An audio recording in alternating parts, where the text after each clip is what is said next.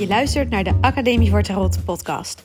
Mijn naam is Christa en ik deel heel graag al mijn tarot-ideeën, kennis, filosofische gedachten en creatieve tarot-inspiratie met jou, zodat ook jij het heft in eigen hand kunt nemen met de kaarten.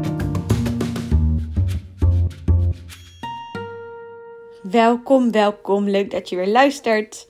Ik dacht, ik doe een vervolg op de vorige podcast. Bij de vorige podcast vertelde ik over mijn eigen eerste tarotdeck en waarom dat niet zo'n succes was. En nu dacht ik, laat ik dan even mijn tips delen met waar je op moet letten als je kaarten gaat kopen. Want uh, ik kan best wel. Uh, ik heb best wel een lijstje van dingen waar je op moet letten. Dingen die ik in de loop van de jaren heb uh, geleerd. En allereerst zal ik wat vertellen over je eerste deck kopen. Hoe kies je nou welke eerste kaartenset je gaat um, nemen? En ik heb ook wel wat tips voor als je je collectie wil gaan uitbreiden. Als je denkt, nou, ik ben toe aan meer kaarten. Um, om met het eerste te beginnen. Nou, als je je eerste deck gaat kopen, dan is het belangrijk dat je van tevoren weet in welke um, systeem je wilt gaan werken. Je hebt een paar systemen waar je uit kunt kiezen. Je hebt de Rider-Waite-Smith Tarot. Daar heb ik het eigenlijk over het algemeen over. Dat is mijn systeem. Um, die is ook veruit het bekendst en wordt het meest gedaan. Wordt ook wel gezien als het meest toegankelijk. Dan heb je van Alistair Crowley de Thoth Tarot. T-H-O-T-H. Uh, dat is een net wat mystieker deck. Wel een beetje in dezelfde tijd ontstaan als de Rider-Waite-Smith. Ietsjes later.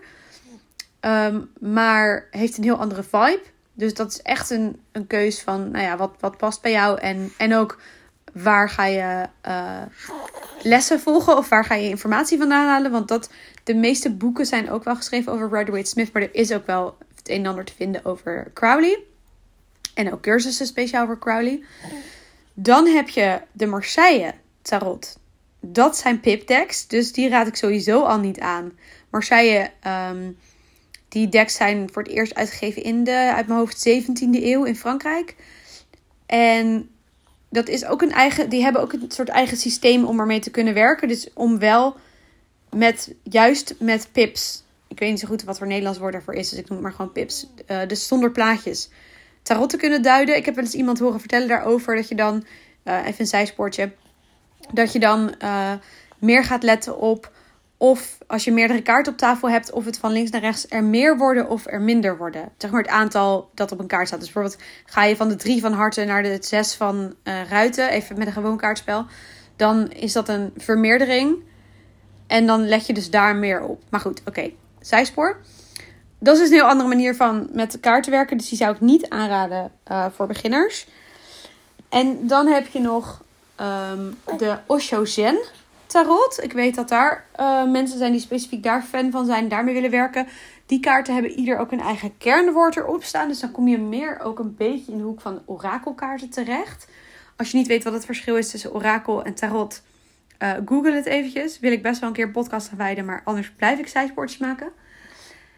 En dan heb je nog de tarot in de herstelde orde. En dat is uh, in Nederland ontwikkeld. Dus dat is echt een Nederlands concept. En dat zijn 80 kaarten in plaats van 78. Waarbij aan de 78 kaarten zijn toegevoegd de kaart waarheid en de kaart intuïtie. Uh, die kaarten worden momenteel niet gedrukt. Dus die zou je dan tweedehands of zo moeten aanschaffen. Er zijn wel mensen die er echt zweren bij dat systeem en dat heel tof vinden. Um, met 80 kaarten kun je natuurlijk net weer. Je kunt 80 kun je delen door 4. Dus het wordt dan ook in kwartetten ingedeeld. En nou, het is een heel interessant systeem, maar het is wel een op zichzelf staand systeem. Uh, althans, de afbeeldingen lijken behoorlijk op de Rider-Waite-Smith. Maar um, ja, de manier van werken is wel echt anders. Dus dat is een keuze van, hé, waar heb je interesse in? En ik denk dat de Rider-Waite-Smith dus van deze opties de meest toegankelijke is. Uh, het meest makkelijk om in eerste instantie mee te leren. En je kunt altijd nog uitbreiden natuurlijk naar andere systemen. Uh, maar ja, goed, ik ben hooked met dit systeem. maar ik heb het erover dat het een systeem is. Rider-Waite-Smith is niet per se um, alleen maar die kaarten die door... die, die kaarten die je dus, als je Rider-Waite-Smith Tarot googelt, dan heb je een specifieke kaartenset. Die kun je kopen. Die is sowieso goed voor beginners meeste basiscursussen werken daarmee. Maar er zijn ook nog andere kaartensets die wel hun ideeën en de manier van werken inspireren op Rider-Waite Smith. maar met andere artwork. Dus gewoon andere tekeningen, andere kunstenaar. Uh, soms net een andere invalshoek, maar vaak gewoon een, een reimagination, hè? een, een uh, nieuwe versie van uh, diezelfde concepten, diezelfde ideeën. Nou, en dan is het dus even belangrijk dat er een paar dingen zijn waar je goed op moet letten als je kaarten gaat aanschaffen. Want ik had zelf in het begin dat ik de Rider-Waite-Smith Tarot niet zo heel mooi vond. Ik vond de afbeeldingen niet zo tot de verbeelding spreken. Nu is dat wel anders, maar nu is mijn oog wat meer getraind. In eerste instantie vond ik ze, trokken ze me niet zo. En toen ben ik gaan zoeken naar uh, beginnersdecks. Trouwens, je kunt ook best wel, als je op YouTube bijvoorbeeld opzoekt, opzoekt de Tarot Beginners decks, dan krijg je YouTube filmpjes waarin mensen decks aanraden en dan kun je ook afbeeldingen al bekijken. Dat is sowieso ook een enorme aanrader. Als je een deck op het oog hebt, zoek op YouTube de naam van het deck en dan daarachter flip through. Uh, want heel vaak hebben mensen gewoon de camera op die kaarten gezet en dan bij het openmaken van hun doosje direct kaart voor kaart laten ze op YouTube zien hoe die afbeeldingen eruit zien. En dan krijg je gewoon een heel goed beeld van wat je nou eigenlijk koopt. En dan weet je iets beter of het is waar je naar op zoek bent. Nou, je gaat dan dus kijken van oké, welke uh, stijl spreekt me aan? Wil je iets meer sprookjesachtig of wil je iets meer modern? Um, dat zijn heel verschillende, zijn allerlei verschillende keuzes tegenwoordig. En dan is het vervolgens belangrijk dat je iets zoekt waarbij de symboliek heel erg sterk lijkt op Rider-Waite-Smith. Als je kiest voor dat systeem. als je kiest voor VOF, dan moet je iets kiezen wat heel erg lijkt op dat VOF. Um, en als je kiest voor de herstelde orde, dan heb je maar één optie, want dat is gewoon alleen dat deck, voor zover ik weet. Um, of ik geloof dat er twee dingen zijn die net een beetje variant van elkaar zijn. Maar oké, dus uh, je gaat dan kijken naar kan ik een deck vinden dat zodanig lijkt op de Rider-Waite-Smith dat ik alle informatie die ik in het algemeen kan vinden op het internet of in boeken of in een cursus, als je een cursus gaat volgen, dat je dat wel kunt toepassen op die kaarten die je hebt gekocht. Want anders is het zonde als je maar één boekje hebt met vrij sumier de uitleg van de kaarten erbij. Dat is niet leren hoe je met tarot moet werken. Met tarot leren werken uh, doe je niet door alleen maar een boekje te hebben met de kaartbetekenissen. Dan kom je gewoon niet ver genoeg. Dus daar heb je echt ja, of een cursus voor nodig. Of als je een autodidact bent, uh, kan je uit boeken leren. Ik ben zelf begonnen met, uh, met uit boeken uh, leren. En dan dus boeken waarin uitgelegd wordt hoe je met de kaarten moet werken. En niet alleen maar wat de kaarten betekenen. En um, nou ja, daarvoor wil je dus een deck hebben dat gewoon met die boeken zeg maar matcht. En daarom is het handig om te kijken van zoek een deck waarbij de symboliek redelijk overeenkomt. Bijvoorbeeld het lichtzienerstarot is nu heel populair. Maar het lichtzienerstarot is best wel een deck dat heel erg... Um, ja, dat heel erg de positieve kant van alle kaarten probeert te benadrukken. En ook echt wel hier en daar een heel andere invalshoek heeft dan um, de Rider-Waite-Smith. Hoewel het er wel erg op lijkt. Maar dan is het dus... Ja, het is veel makkelijker om eerst Rider-Waite-Smith te leren... en dan met de lichtzienerstarot bezig te gaan dan andersom. Uh, omdat je vanuit Rider-Waite-Smith je daarna kunt gaan verbreden naar verschillende andere decks. En vanuit het lichtziener tarot blijf je dan een beetje misschien wel steken bij één deck. Niet dat, het, niet dat het verkeerd is om de rest van je leven met één deck te leggen. Er zijn ook mensen die één deck hebben en daar hun hele leven mee doen. Ik ben wel een beetje een verzamelaar. Ik heb inmiddels iets van 30 tarot decks. Misschien wel meer inmiddels. Dus um, ja, let er in eerste instantie op, dat was het punt dat ik aan het maken was, dat de symboliek lijkt op het, dat het echt een systeem volgt, zodat je ook uh, niet vastzit aan alleen maar het handboekje dat je erbij krijgt. Want dat is vaak te beperkt om goed te leren hoe je met tarot kan werken. En als je een cursus volgt, wordt daar vaak Rider-Waite-Smith gebruikt. Dan worden daar symbolen uitgelegd. Als jij die symbolen dan niet op jouw kaart hebt staan, is dat gewoon net een beetje jammer. Um, en ben je gewoon wat beperkter. Wat je, waar je eventueel ook voor zou kunnen kiezen is om meteen te beginnen met twee decks. De Rider-Waite-Smith. Uh, gewoon de standaard, zeg maar. En een deck dat je zelf heel erg mooi vindt. Um, ik ben ook vrij snel, nadat ik mijn eerste deck had gekocht, al een tweede deck gaan kopen. Omdat ik het vergelijken van decks heel leuk vond om te doen. En daar leer je ook heel veel van. Dus dat is sowieso iets wat je kunt doen.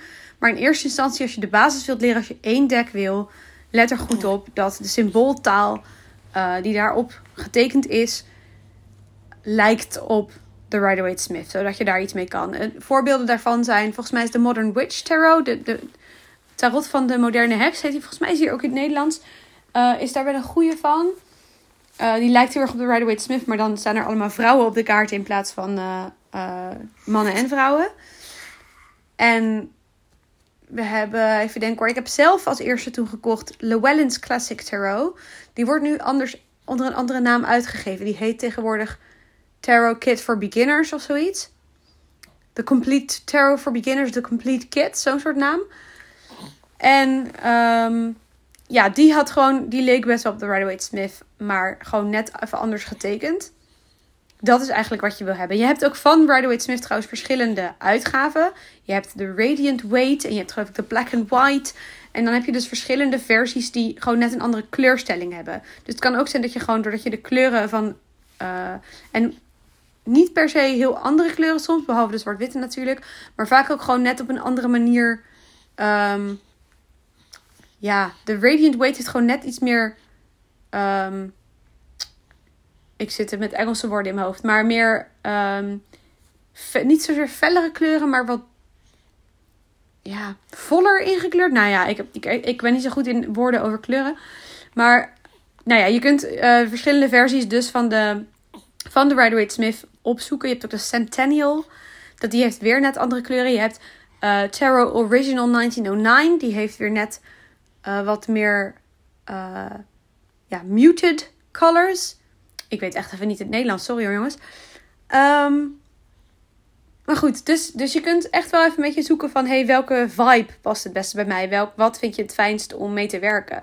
En dat is best wel belangrijk. Want als je geen connectie voelt met je kaarten... dan heb je er ook minder plezier in om het te leren.